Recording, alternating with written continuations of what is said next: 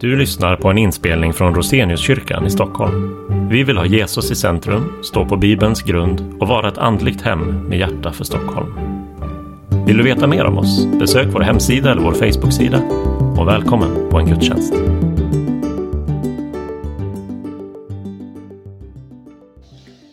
Så, varsågod. Tackar. Jag tror jag plockar ner den här. Jag har svårt att stå helt stilla. Jag ska inte valsa runt allt för mycket heller. Ha, fint att vara här hörni. Jag eh, har ju kontor då en kvarts promenad härifrån. Svenska Evangeliska Alliansen borta vid Betlehemskyrkan. Eh, och annars bor jag lite norr om Uppsala i Storvreta. Och eh, har ju träffat en del av er tidigare. Eh, jag vet inte, jag kan säga lite grann om Evangeliska Alliansen. Vi är ju, eh, jag brukar säga att vi är en eh, tankesmedja på många sätt. Finns som en, en offentlig röst i, i debatten. Försöker finnas som en, en röst både in mot kyrkan och ut mot samhället. Eh, men vi tar också fram resurser kring olika strategiska ämnen och områden. Den här boken kanske inte är främst kopplad till min tjänst på Evangeliska Alliansen i och för sig. Eh, men, men eh, vi jobbar med aktuella samhällsfrågor framför allt. Nu senast gav vi ut en, en resurshemsida kring vetenskap och tro, relationen mellan tro och vetande. Vi har gett ut en, en liknande sida tidigare om äktenskapsfrågan. Jag har jobbat ganska mycket med hbtq-frågor och liknande. Eh, men, men överhuvudtaget religionsfrihetsfrågor, allt som rör sig i den aktuella debatten försöker vi vara pålästa om och vid behov säga någonting klokt om. Sådär. Eh, så är vi också ett, ett nätverk som försöker på en samla kring, kring centrum av den kristna tron från olika delar av kristenheten. Jag brukar säga att överallt där man har Jesus och Bibeln och missionsuppdraget högt, där trivs jag och där vill SEA finnas. Eh, och det tycker jag är en bra position faktiskt. Det finns mycket mer att säga om Evangeliska Alliansen, men jag la ut faktiskt, man kan få våra nyhetsmejl om ni inte har dem. Varannan fredag skickar vi ut en liten aktuell spaning kring någonting eh, som har med kyrkan eller samhället att göra. Eh, Så skriv gärna upp er där om ni vill ha lite mer kontakt. Eh, Men nu ska vi alltså tala om den andliga kampen. Och jag kommer utgå från min senaste bok som ju heter då Farliga för fienden. Eh, lite kaxig rubrik kanske, men jag tänker att det borde ju vara varje kristens bön. Eh, jag vill ju vara farlig för fienden. Det måste ju vara bedrövligt att vara helt ofarlig för fienden och, och ointressant för fienden. Eh, så att där har titeln. Och underrubriken är just en bok om den andliga kampen och hur den kan vinnas. Och det är väl det vi ska tala om då här ikväll, vad det kan innebära rent konkret. När jag jobbade med den boken så läste jag ju förstås också mycket vad andra har skrivit. Ehm, och eh, en av de saker jag noterade var att nästan inga svenska eller ens nordiska författare har skrivit något på det här ämnet de senaste 20-30 åren. Ehm, jag tolkar det lite som att det kanske blev för mycket av det goda för sådär 30-40 år sedan. Det var väldigt mycket tal om det här då i kristenheten och, eh, och det blev kanske lite bränd mark på sina håll. Ehm, men, men tre decennier är en lång tid för ett ämne som ändå är väldigt centralt som jag uppfattar i Bibeln. Jag ska försöka visa på det snart. Eh, men, men som jag också ser som en, en viktig del i den kristna erfarenheten. Jag är ju själv uppvuxen inom EFS som står nära ELM som ni vet.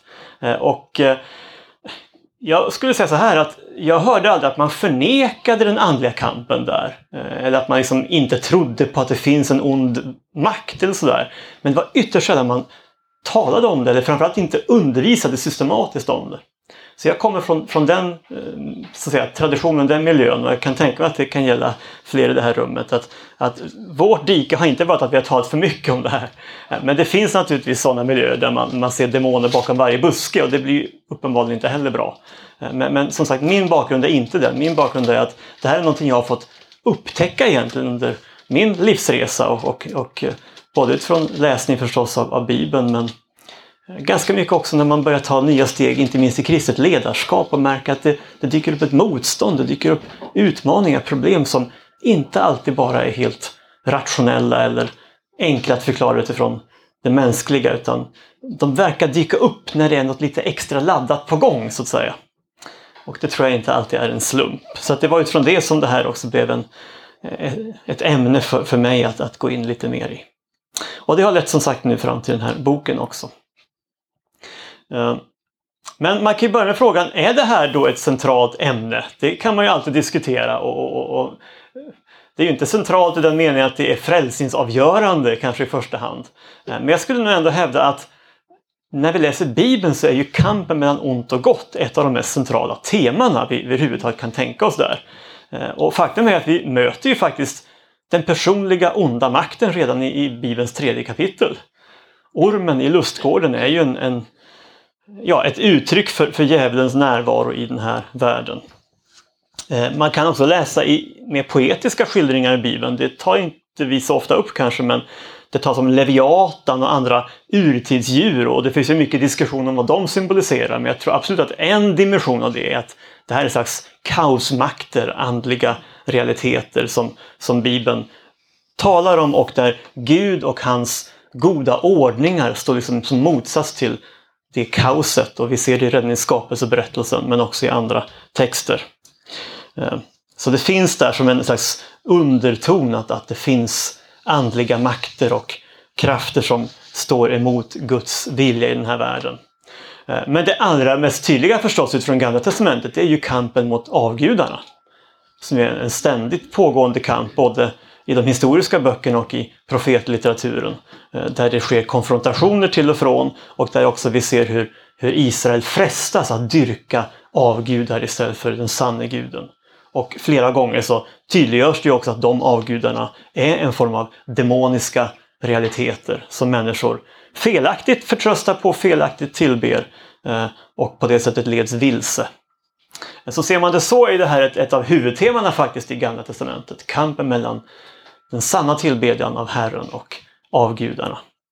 Och så kommer man då till Nya Testamentet och där blir ju det här faktiskt ännu mer uppenbart eh, i och med att eh, Jesus kommer, eh, Guds son inkarnerad och han förkunnar budskapet om Guds rike som är Guds herravälde. Och när han gör det så är det också ett angrepp mot ett annat rike, nämligen den ondes rike. Eh, och eh, mest synligt ser vi det här då i konfrontationerna med de onda andarna. Eh, Petrus blickar tillbaka på, på de år som Jesus eh, var här på jorden och han säger att Jesus gick omkring och gjorde gott och botade alla som var i djävulens våld. Och alla som har läst de fyra evangelierna vet ju att det är egentligen som ett pärlband genom dem. Allra mest i Markus evangeliet men, men egentligen i alla evangelierna i, i olika, eh, på olika sätt kan vi se att, att det blir konfrontationer med ondskan. Eh, och när vi kommer till Bibelns sista bok som är liksom klimax på Bibelns uppenbarelse, ja då eh, då får vi läsa om Jesus som är ryttaren på den vita hästen. Och han kastar den sataniska treenigheten i sjön som brinner av eld och svavel. Djävulen, vilddjuret och den falske profeten talas det om. Eh, en slags perverterad motsvarighet till den sanna treenheten. För att de har tillskansat sig en tillbedjan de inte förtjänar. De har sökt sin tillbedjan de inte förtjänar. De är falska kopior, de är avgudar och de döms på den yttersta dagen av Jesus själv. Eh, så, så där ser vi helt klart att, att liksom säcken dras ihop just kring kampen mellan ont och gott. Och därför kan ju Johannes, som jag personligen tror också är författaren till Uppenbarelseboken, han kan skriva så här i sitt första brev. Vi vet att vi tillhör Gud och att hela världen är i den ondes våld. Och det är ganska starka ord egentligen. Vi vet att vi tillhör Gud men att faktiskt hela världen är i den ondes våld. Det är vad skriften säger. Så på det sättet tänker jag att den osynliga världen i allmänhet, men, den, den fallna, onda, eh, osynliga världen och därmed den andliga kampen, inte minst då är Eh, centrala ämnen i Guds ord. Jag läste för inte så länge sedan C.S. Lewis bok Kan man vara kristen? Mere Christianity heter den väl på engelska. Och där skriver han bland annat så här. Något som överraskade mig när jag först läste Nya Testamentet på allvar, det var att det talade så mycket om en mörk makt i tillvaron. En mäktig ond ande som ansågs vara makten bakom sjukdom och död och synd. Skillnaden mot dualismen är att kristendomen anser att denna mörka makt skapats av Gud och var god när den skapades, men slog in på en orätt väg.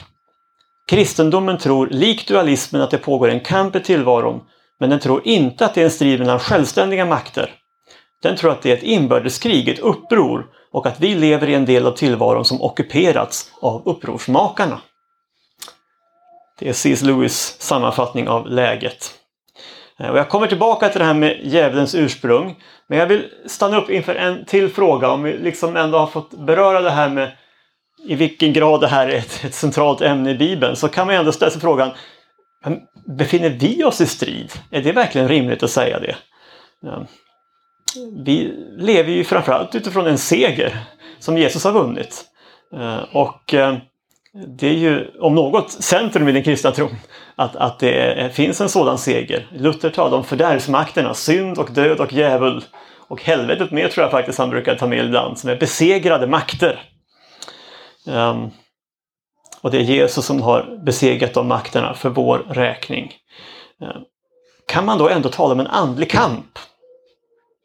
Ja, eh, man kan väl börja med att säga att det hade ju varit underbart om det inte var någon andlig kamp. Alltså jag skulle verkligen också önska att, att det vore så enkelt. Eh, men eh, jag tror det räcker egentligen att blicka ut över vår värld så ser vi att det finns väldigt mycket mörker och elände. Eh, och om man ska förklara allt det med bara mänsklighetens synd så, så, tycker jag att man får ganska svårt. Jag tycker det finns väldigt mycket i vår värld som pekar på att här finns det andra agendor och andra krafter som trycker på i en negativ riktning. Och eh, någon har uttryckt det så här att djävulen är bunden men med ett väldigt långt rep. Och jag tycker det är ett sätt att liksom beskriva det här att absolut finns det en seger som vi eh, både ska vara tacksamma för och räkna med på alla möjliga sätt. Eh, men det finns ändå en form av spelrum för fienden i den här världen. Eh, och det är ju det som inte minst Johannes vittnar om när han säger att hela världen är i den ondes våld. Hur kommer sig då detta? Ja, då tänker vi ska titta lite mer på den här sista boken i Bibeln, Uppenbarelseboken. Eh, för där får vi den allra tydligaste texten om just djävulens ursprung. Det är en känd skildring. Det blev en strid i himlen, står det. Mikael och hans änglar stred mot draken och draken och hans änglar stred. Men han var inte stark nog. Och det fanns inte längre någon plats för dem i himlen. Och den store draken, den gamle ormen som kallas djävul och satan och som förleder hela världen, kastades ner på jorden. Och hans änglar kastades ner med honom. Här får vi faktiskt några ganska viktiga saker klargjorda för oss. Eh, det första är att det verkligen finns en, en ond makt. Eh, en personlig sådan. Eh, och han får hela fyra olika namn i den här texten. Det är draken, ormen, djävulen och satan. Och vi känner nog igen alla dem på olika sätt. Eh, vi får också veta att djävulen är en ängel. Eh, som i sin tur har ett större antal änglar som han kallar för sina. Eh, och som på något sätt måste höra samman med honom. Men också för det tredje att djävulen var högt uppsatt i himlen. Så han var inte bara en ängel, han var också en högt uppsatt sådan. Det krävdes att ärkeängeln Mikael drog ut i strid för att besegra honom. Och så får vi då till sist veta att djävulen efter detta inte kunde behålla sin plats i himlen. Eh, utan han fick plats nere på jorden. Och det är till stor skada för oss som bor här. Någonting som klargörs också några verser senare. Jubla därför ni himlar och ni som bor i dem, men ve dig du jord och du hav, för djävulen har kommit ner till er i stor vrede, eftersom han vet att hans tid är kort. En viktig text om vi vill förstå Bibelns hållning i de här frågorna. Samtidigt så är det ju lite sparsamt med detaljerna. Eh, vad var bakgrunden till den här katastrofen? För det är ju verkligen en katastrof. Eh, varför valde djävulen att göra uppror mot Gud?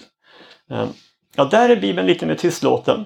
Eh, men det finns två texter som i hela kyrkans historia har ansetts vara en hjälp för oss att faktiskt förstå och blicka in i vad som hände där någon gång i begynnelsen. Vi vet ju inte exakt när det här skedde. Vi vet att djävulen dyker upp i lustgården. Men exakt när det här fallet skedde, det, det vet vi inte. Eh, men två texter som, som kyrkan har brukat lyfta fram kopplat till djävulens fall. Det är dels Jesaja 14 eh, som från början är en domsprofetia eh, över kungen i Babel.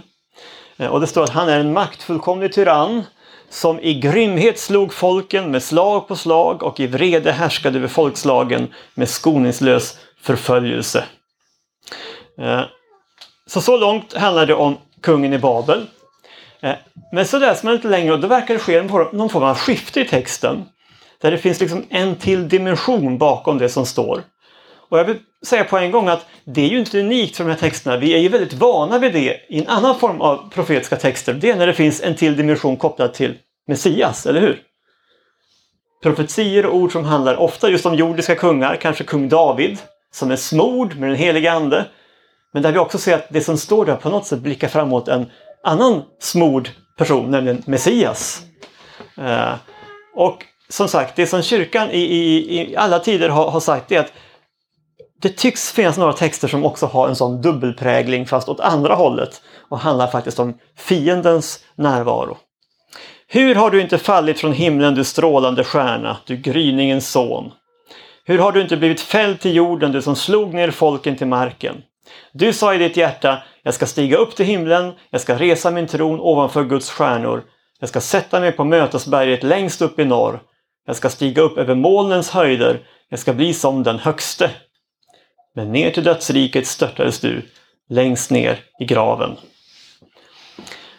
Det är förstås fullt möjligt att fortfarande tänka att det här är bara kungen i Babel. Eh, men det finns också ganska goda skäl att ana att det här är lite grann över nivån på vad en, en människa kan, kan ägna sig åt. Att stiga över Guds stjärnor och över molnens höjder. Det, det är inte många människor som ens försöker göra något sånt. Eh, och faktum är att ett namn vi är väldigt bekanta med på djävulen det är ju Lucifer. Det står ju inte i Bibeln det namnet och ändå används det ganska ofta men det kommer från just den här texten. För det här med strålande stjärna kan översättas olika. Den som bär ljuset, ljusbäraren, är på vulgata Lucifer. Så att det namnet kommer från den gamla latinska översättningen av just Jesaja 14. Och en annan mycket intressant sak det är att när vi läser Uppenbarelseboken så liknas änglar i Uppenbarelseboken vid stjärnor. Och även det menar man visar att Johannes i alla fall ansåg att den här texten handlade om en fallen ängel. För han plockar upp den här bilden i Uppenbarelseboken gång på gång. En text till som har ett sånt här innehåll är Hesekiel 28. Och även här handlar det om en jordisk kung. Den här gången är det kungen i Tyrus. Och han kritiseras för sitt högmod, sin girighet. Eh, och så kommer man lite längre fram och så står det så här. Du var en mönsterbild av fullkomlighet, full av visdom och fullkomlig skönhet. Du var i Eden, Guds lustgård, höll dig alla slags ädelstenar. Du var en smord beskyddande kerub och jag hade satt dig på Guds heliga berg. Där gick du omkring bland gnistrande stenar. Du var fullkomlig på alla dina vägar från den dag då du skapades till dess att orättfärdighet blev funnen hos dig. Eftersom ditt hjärta var högmodigt på grund av din skönhet och du fördärvade din visdom förvärva, nej, jo, fördärvade din visdom på grund av din prakt kastade jag ner dig till jorden och utlämnade dig åt kungar till att beskådas. Ja, jag vet inte vad ni säger, men, men eh, än en gång så är det vissa ord här som är svåra att, att förena med att det här skulle bara handla om kungen av Tyrus. En mönsterbild av fullkomlighet, full av visdom, fullkomlig i skönhet. Han är i Eden, Guds lustgård, och där sägs han ha varit en smord beskyddande kerub. Alltså ett änglaväsen. Eh, så jag tror att det finns goda skäl att, att ha med sig både Jesaja 14 och Hesekiel 28 när vi ska förstå och förklara någonting av djävulens personlighet och ursprung och fall. Eh, och tar vi de här texterna så, så får vi egentligen en ganska tydlig bild. Och det är att djävulen var en högt uppsatt kerub, eller kanske ärkeängel. Eh, med all den härlighet, all den kraft som hörde till den positionen. Eh, men att det också var just den härligheten som blev Lucifers fall. Han var kallad att helhjärtat tjäna sin skapare. Men det verkar som att han på något sätt fylldes av begär till den här härligheten som han omgavs av. Kanske berusad också av sin egen härlighet och skönhet. Om vi tänker att han var en högt uppsatt ärkeängel. Och det innebar att han helt enkelt gav sig i strid, ville konkurrera med sin skapare. Och det var naturligtvis inte någonting Gud kunde tolerera. Utan ärkeängeln Mikael fick gå i strid med sin kollega som störtades ner på jorden. Jag menar att det är en, en mycket rimlig tolkning i alla fall av de här bibeltexterna. Ehm. Och vilka var det då som följde med djävulen i det här fallet? Ja, vi vet att vi talar om onda andar, om demoner. Gång på gång står det om dem i, i särskilt Nya Testamentet. Ehm. Även det tycks Uppenbarelseboken säga någonting om. Det står att en stor eldröd drake med sju huvuden och tio horn och sju kronor på sina huvuden eh, visar sig som ett tecken i himlen. Och så står att hans stjärt svepte med sig en tredjedel av himlens stjärnor och han kastade ner dem på jorden. Och om det nu är så att stjärnor symboliserar änglar i Bibeln och särskilt då i Uppenbarelseboken eh, så står det ju faktiskt här att en tredjedel av himlens invånare följde med Lucifer i hans uppror. Eh, och om vi tänker oss att det här är en militär hierarki med ärkeänglar som för befäl över andra änglar och liknande. Ja, då är det ganska möjligt att det som sker är faktiskt att alla de änglar som djävulen förde befäl över följer med honom i fallet. Inte heller det är någonting vi, vi kan säga med 100% säkerhet. Men, men, men det Uppenbarelseboken säger är i alla fall att en tredjedel av himlens invånare på något sätt följde med i fallet. Och vi läser om dem på andra ställen. Till exempel Petrus som skriver så här. Gud skonade ju inte de änglar som hade syndat utan kastade ner dem i avgrunden och överlämnade dem åt mörkrets kedjor till att hållas i förvar fram till domen. Så både djävulen och demonerna är besegrade. De är först nedkastade ur himlen, de är besegrade. Eh, men de är i någon mening fortsatt verksamma. Bundna men med ett långt rep. Och bara för att ta ett bibelord till, också från Petrus. Er fiende djävulen går omkring som ett rytande lejon och söker efter någon att sluka. Stå emot honom, orubbiga i tron. Och det säger han ju faktiskt till kristna. Efter Jesu kors, efter Jesu uppståndelse. Ja. Så att det finns en kamp att räkna med, tänker jag, är, är väldigt tydligt faktiskt utifrån Bibeln.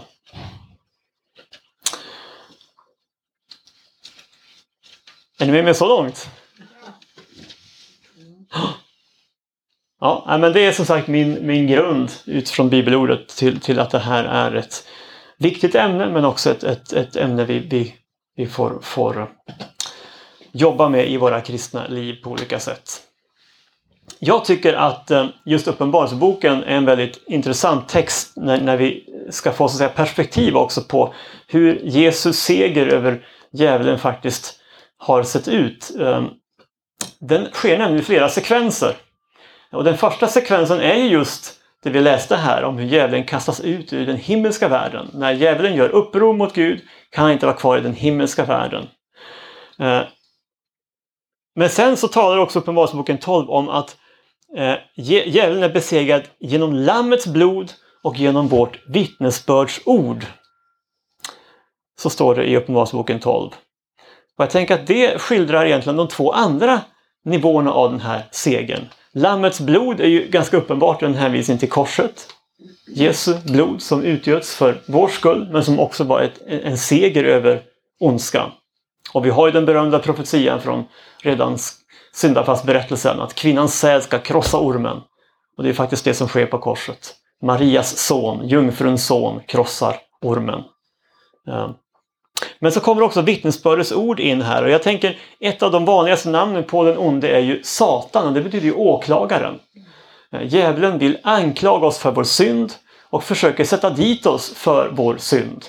Eh, och eh, då tänker jag att i varje människas liv behöver djävulen kastas ut från den funktionen.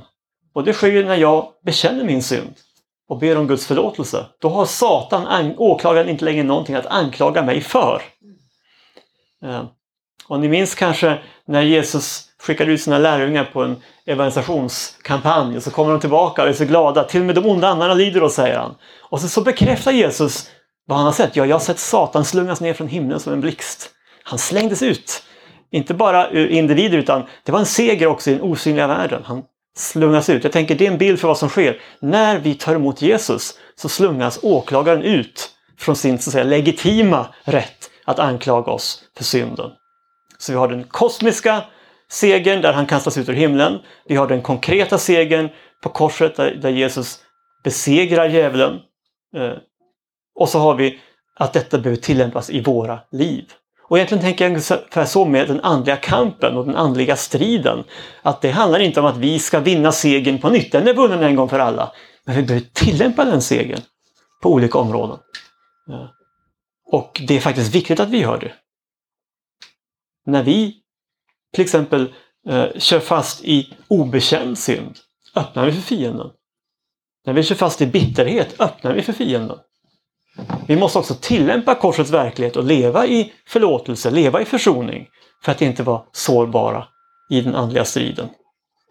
Så det faktum att segern är vunnen innebär inte att den aldrig märks av i våra egna liv. Och förstås är det precis det som, som Paulus säger och det här är väl kardinalversen för den andliga striden egentligen. Vi kämpar inte mot kött och blod utan mot förstarna, mot makterna, mot världshärskarna här i mörkret och mot ondskans andemakter i himlarymderna. Och läser vi vidare i Paulus brev ser vi sådana här formuleringar lite varstans. Eh, han talar om att vi ska ställa våra lemmar i Guds tjänst som vapen åt rättfärdigheten. Det är ju militärt språk. Det bygger på att det finns en strid som utkämpas. Eh, han talar om rättfärdighetens vapen i höger och vänster hand. Också militärt språk. Eh, och orden till Timoteus, Paulus vän och medarbetare. Lid också du som en god Kristi Jesus soldat. Eh, jag tänker att alla de här uttryckssätten knyter an till förståelsen av att det kristna livet är en strid och den striden handlar inte minst just om den onda maktens realitet. Guds rike är i motsats till djävulens rike. Eh, och därför så blir jag som lärjunge till Jesus indragen i en sån strid. Eh, och den är vunnen. Men som vi hörde i den här inledningen så finns det lite olika diken kopplat till detta. Och även här tänkte jag knyta an till C.S. Lewis. Han skrev en annan bok som heter Från helvetets brevskola. Eh, som är skriven med en rejäl dos humor men som också har ett visst allvar i sig. Eh, Lewis som sagt var ju tydlig med att han verkligen tror också att det finns, eller trodde att, att det finns eh, demoner på riktigt. Även om just boken är, är skriven med, med, mycket humor. Men då står det så här, eh, och det här är C.S. Lewis egna ord då. Att i fråga om djävlarna kan människosläktet råka ut för två villfarelser. Bägge lika stora fast av diametralt motsatta slag. Den ena är att inte tro på deras existens. Den andra är att tro på dem och hysa ett överdrivet och osunt intresse för dem. De själva är lika förtjusta över bägge dessa villfarelser och hälsar med samma tillfredsställelse en materialist och en person som är hemfallen åt religiös vidskepelse. Och så skriver han lite senare då i, eh, i den här boken om demonernas fruktansvärda dilemma. När människorna inte tror på vår existens så går vi miste om de angenäma resultaten av direkt terror. Och vi kan inte skapa någon religiös vidskepelse. Men å andra sidan, när de tror på oss så kan vi inte göra dem till materialister. Och det här är demonerna som resonerar med varandra. Eh, och, och eh, beklagar sig över detta dilemma. Men jag tänker att det ger en ganska bra illustration av läget för oss här i Norden. Alltså vi tillhör ju ett extremt materialistiskt samhälle. Eh, där ju man förnekar inte bara fiendens existens, man förnekar ju ofta Guds existens och att det överhuvudtaget finns liksom eh, icke-materiella realiteter. Det kan ju till och med finnas eh, ett förnekande av att människan har en själ. Alltså så materialistiska är vi ju här. Det är ju en ytterlighet egentligen. Och det är klart, tänker man rent strategiskt så är det ganska smart för fienden att i en sån kultur jobba undercover. Om folk inte ens tror på honom, då är det bättre att, att hålla sig under radarn och verka på ett sätt som kanske inte sticker i ögonen så uppenbart. Men ändå få sitt jobb gjort så att säga. Åker du till andra delar av världen, där alla vet att Gud finns, där alla vet att det finns en andevärld, ja då är det ju ofta en kanske mer eh, smart strategi så att säga att, att skrämmas. Eftersom alla redan vet att man jobbar så, så försöker man framstå som starkare och farligare eller ja, så. Eh, det demonerna här kallar för direkt terror. Eh, och, och de av oss som har rest lite i Afrika till exempel vet ju att där lever man på ett helt annat sätt med den här realiteten. Både i sin erfarenhet och i sin förkunnelse. Eh, och jag tänker att det är ganska logiskt att, att fienden anpassar sig till, till vår kultur på det sättet. Eh, så jag menar att vi hör till materialismens dike och jag tror faktiskt att vi, vi i vår kultur riskerar att missa ganska viktiga saker eh, också när vi eh, agerar som kristna om vi liksom inte har med att det också är en kamp. Eh. Och jag tänker, det här kan ju vara ganska praktiskt också. Eh, och, och jag, bara för att ta några exempel, en, en bekant till mig som hans familj, de, de var liksom ansvariga för en sommarkonferens. Pappan var, var lägerchef där i många år, eller konferenschef. Och han sa det att varje sommar, veckan innan den här konferensen, hände det någonting struligt. Kylskåpet la av eller bilen liksom fick något problem. Alltså, och man kan tycka att det här är ju vardagliga saker som inte alls har någon andlig förklaring. Men när varje år händer någonting sånt just den veckan, då tror inte jag att det är en slump. Utan då tror jag att det är ett uttryck för att det är någon som faktiskt vill bråka och göra livet lite surt för Herrens tjänare. Liksom. Jag minns för länge sedan när det här var en ganska okänd liksom, verklighet för mig själv. Men, men då var jag och, ja, vi var inte gifta än, men, men hon som nu är min fru, vi, vi jobbade mycket med ungdomsläger, Mona. Eh, och eh, hon var lägerchef ett år eh, där och det var liksom inget konstigt med det men sen så sa hon efter ett tag att hon hade drömt mardrömmar i flera, flera nätter i sträck. Det här var typ i december och det här var ett nyårsläger. Och, Ja, det var ju konstigt. Hon brukar aldrig drömma mardrömmar annars, sa hon. Och så kom vi pratarna där hemma hos mina föräldrar och då sa min mamma då som, som ändå liksom hade lite andra perspektiv, men det där är ju en attack. Ja. Vi hade inte ens tänkt tanken att det skulle kunna vara det. Men hon började ikläda sig trons rustning varje kväll. Som en bara konkret eh, liksom, respons på det. Och hon drömde inga fler mardrömmar. Ja. Och för mig är det, det är så enkelt och jordnära men jag tycker det också illustrerar hade hon inte haft den så här, tolkningen av det här så hade ju konsekvensen varit att han hade fortsatt drömma mardrömmar ända fram till lägret. Sannolikt. Och det är ju ingen annan än fienden som vinner på det tänker jag. Så jag tänker att, att inte alls prata om de här sakerna gör ju bara att vi ger mer spelrum åt fienden i ett sånt läge. Men sen finns naturligtvis det andra diket och det är när liksom allt som händer får en andlig förklaring och framförallt kanske att det bara får en andlig förklaring. Jag tänker väl att det är det stora problemet när vi inte är klara över att tillvaron är mångfacetterad. Det mesta som sker oss är kanske både andligt och mänskligt. Och om vi då ger det bara en andlig förklaring, då tror jag att vi ganska snabbt kör i diket. Eh, och då blir det också väldigt lätt osunt. Eh, för att då, då blir det det här, vi ser demoner bakom varje buske och, och liksom tar inte tag i kanske saker som vi, vi skulle behöva jobba med som handlar om helt, helt andra och mer mänskliga fenomen. Eh, men som sagt, jag tror att det finns en ond makt som försöker sätta käppar i hjulet för oss eh, på olika sätt. Och alldeles särskilt tror jag att vi märker av det här när vi själva är aktiva för att utbreda Guds rike. För det är då vi också blir ett hot mot den ondes rike. Farliga för fienden som sagt. Eh, och eh, jag tänkte säga lite grann mer om, om hur det här kan yttra sig och sen så ska vi stanna upp och se lite grann vad, vad ni vill att, att vi ska fokusera. Det, finns ju, det här är ett stort ämne så att, så att jag har mycket man, man kan tala om. Men jag skulle eh, Ja, där har jag redan citerat. Men, men jag skulle vilja peka på tre erfarenheter där vi konkret kan, kan se och erfara eh, fiendens verksamhet i, i våra liv som kristna. Eh, och den första är bekant är för alla som har läst Luther. Anfäktelsen. Det var ett, jag vet inte om favoritämne är rätt ord, men, men Luther anfäktades mycket och talade mycket om det också. Och det är ju någonting som har funnits inte minst i den lutherska både förkunnelsen och, och själavården. Det, det talet. Och jag, jag tänker att anfäktelsen kan säkert definieras lite olika. Jag tänker att det är tankar och känslor, erfarenheter som på olika sätt vill ta frimodigheten ifrån oss, frälsningsglädjen ifrån oss. Ja. Det kan vara återkommande tankar om att inte duga, att inte passa in, att vara en så stor syndare att Gud inte kan förlåta en. Eh, tvivel, depression, andligt mörker.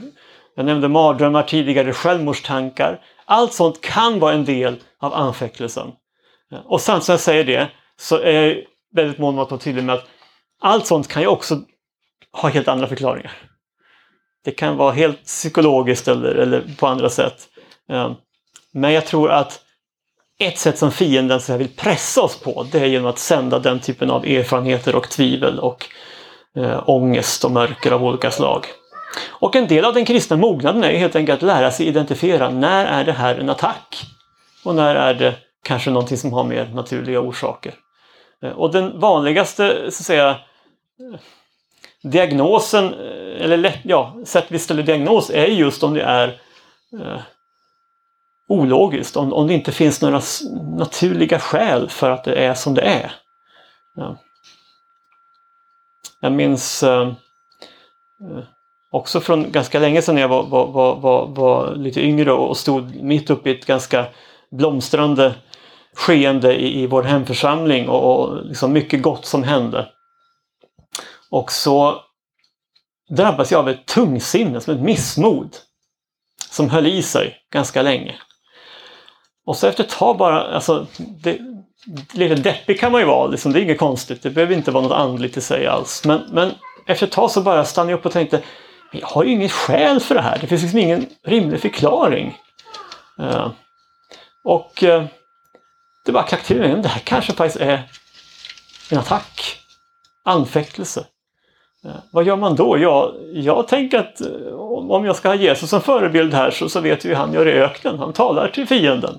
Håll dig på din plats Satan, ge dig iväg. Du har ingenting i mitt liv att göra. Det här är Guds verk och du ska inte komma och stjäla frimodigheten för mig med fördel hänvisar till något av Bibelns löften. Och det här är några av dem som jag återkommer till i, i mitt böneliv. Och i det här fallet så bad jag konkret. Gud har inte gett mig modlöshetens ande utan kraftens och kärlekens och självbesinningens ande. Ge dig iväg Satan. Du har ingen rätt att komma här och ta glädjen ifrån mig. Och jag kan bara konstatera att samma kväll så var tungsinnet borta. Eh, och jag har inget mer facit än så på det, men jag tror att, att man kan be så. Och jag tror att Jesus själv faktiskt ger oss en, en bild av, av, av det i, i, i, hur han hanterar fiendens anklagelser och frestelser. Eh, och som sagt, det här är fyra bibelord jag gärna återkommer till här. Det ser vi ju i trons rustning. Jag hade inte tänkt gå in på trons rustning idag, men det är ett ganska givet tema ändå för, för den andliga kampen. Men, men, men det enda offensiva vapnet i den rustningen är ju ordet. Vi strider med andens svärd. Och att citera löften är ju att strida med andens svärd. Så det är ju det är ju precis enligt skolboken så att säga. Eh, men jag tror också att vi behöver tala om de här sakerna och sätta ord på dem. Eh, sen har vi då det vi läser om evangelierna med lite mer av, av närkontakt med, med fienden och de onda andarna. Eh, och jag vill dela in det i, i framförallt ett par olika erfarenheter. Eh, bindningar och eh, mer konkret eller svårare demonisering. Eh, och bindningar tänker jag kan handla om lite olika saker. Men nu talar jag då om, om bundenhet som har med demonisk aktivitet att göra. Eh, och jag tänker att det, det handlar om en situation där en ond ande har fått ett fäste i en människas liv. Eh, så att det på något sätt blir en möjlighet att prägla hans eller hennes inre. Eh, det behöver alltså inte handla om att, att man är besatt och jag egentligen använder nästan aldrig det ordet. In, inte ens när det gäller eh, svårare demonisering. Ordet besatt är ju possessed, alltså man ägs. Och den erfarenheten finns i Bibeln. Eh, men det grekiska ordet som används är inte det utan det är just att man är demoniserad. Och jag tänker att det kan vara en ganska bred skala. Egentligen från anfäktelse, att, att någon är där och liksom försöker liksom så in de här eh, osunda tankarna i mig till det som vi skulle kalla regelrätt besättelse. Och för mig är det en, en lång och flytande skala. Eh, där det nog är bättre att tala om demonisering än om, om besättelse. Eh, bindningar är en form av demonisk närvaro och vill man ha en bild för det så kan du tänka dig en liten kloförsedd demon som hakar sig fast på axeln eller ryggen och den hänger där, liksom. den påverkar dig. Den är inte i dig men den finns ändå där och sätter sin prägel på, på ditt liv på olika sätt. Eh, kanske genom Eh, missmod eller, eller på andra sätt. Eh, och jag tror att det, det, här är någonting som även en kristen kan, kan erfara, att det faktiskt man står under en sån konkret attack. Eh, Däremot så tror jag att ordet besättelse ska vi inte använda när vi talar om, om en kristen människa. Eh, man kan säkert definiera det lite olika. Men, men jag definierar egentligen besättelse som att en ond ande bor i människans ande eh, och liksom lever i symbios med hans eller hennes själ. Eh, och då tänker jag egentligen bara så här att en ond ande tål inte den heliga andes manifesterade närvaro och kan på det sättet inte bo på djupet inne i en kristen människas ande. Däremot kan även en kristen vara både anfäktad och bunden av demonisk närvaro och det har jag sett vid ett antal tillfällen. Eh, och eh, det som är lite viktigt att, att ändå känna till här är att det är ungefär samma saker som på olika sätt kan öppna oss för eh, demonisk närvaro. Eh, man brukar ju säga att, att eh, fienden bara tar sig in där han blir inbjuden i någon mening och det kan ju ske omedvetet i vissa fall eller kanske att vi blir utsatta för saker eh, som, som vi inte själva har någon skuld i. Men, men ofta handlar det ju om, om, olika former av synd och framför allt handlar det om okult synd. Det är ju det som, som allra tydligast går igen som ett, ett fenomen när vi talar om, om människor som, som har den här problematiken. Att man har ägnat sig åt någon form av eh, medveten avgudadyrkan eller in, ja, i, alltså i en mening faktiskt aktivt bjudit in onda andar genom att tillbe dem. Det är ju faktiskt så. Uh, uh, så det finns olika synder som, som kan, kan vara med och, och spela en roll här men, men uh, det är ingen tvekan om att det okulta är, är den viktigaste inkörsporten till, till det. Och därför varnar ju Bibeln också konsekvent för alla former av okulta praktiker.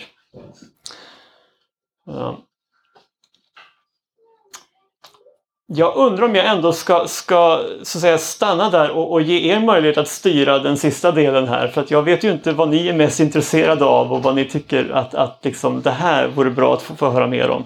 Eh, jag har jobbat med, med, olika aspekter både av det här med befrielsetjänsten och, och kanske det vi mer skulle kalla för, för andlig krigföring, alltså mer bön. Vad, vad kan vi i bön göra och hur kan vi agera i de här frågorna?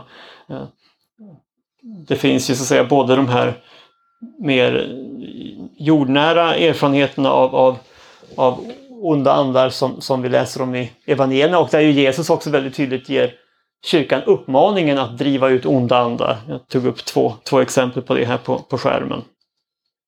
Men sen finns ju också det man ibland talar om som territoriella andemakter som kan ha ett inflytande över en hel region eller stad eller ett land. Eh, så det finns lite olika riktningar att gå här så att nu har jag pratat länge.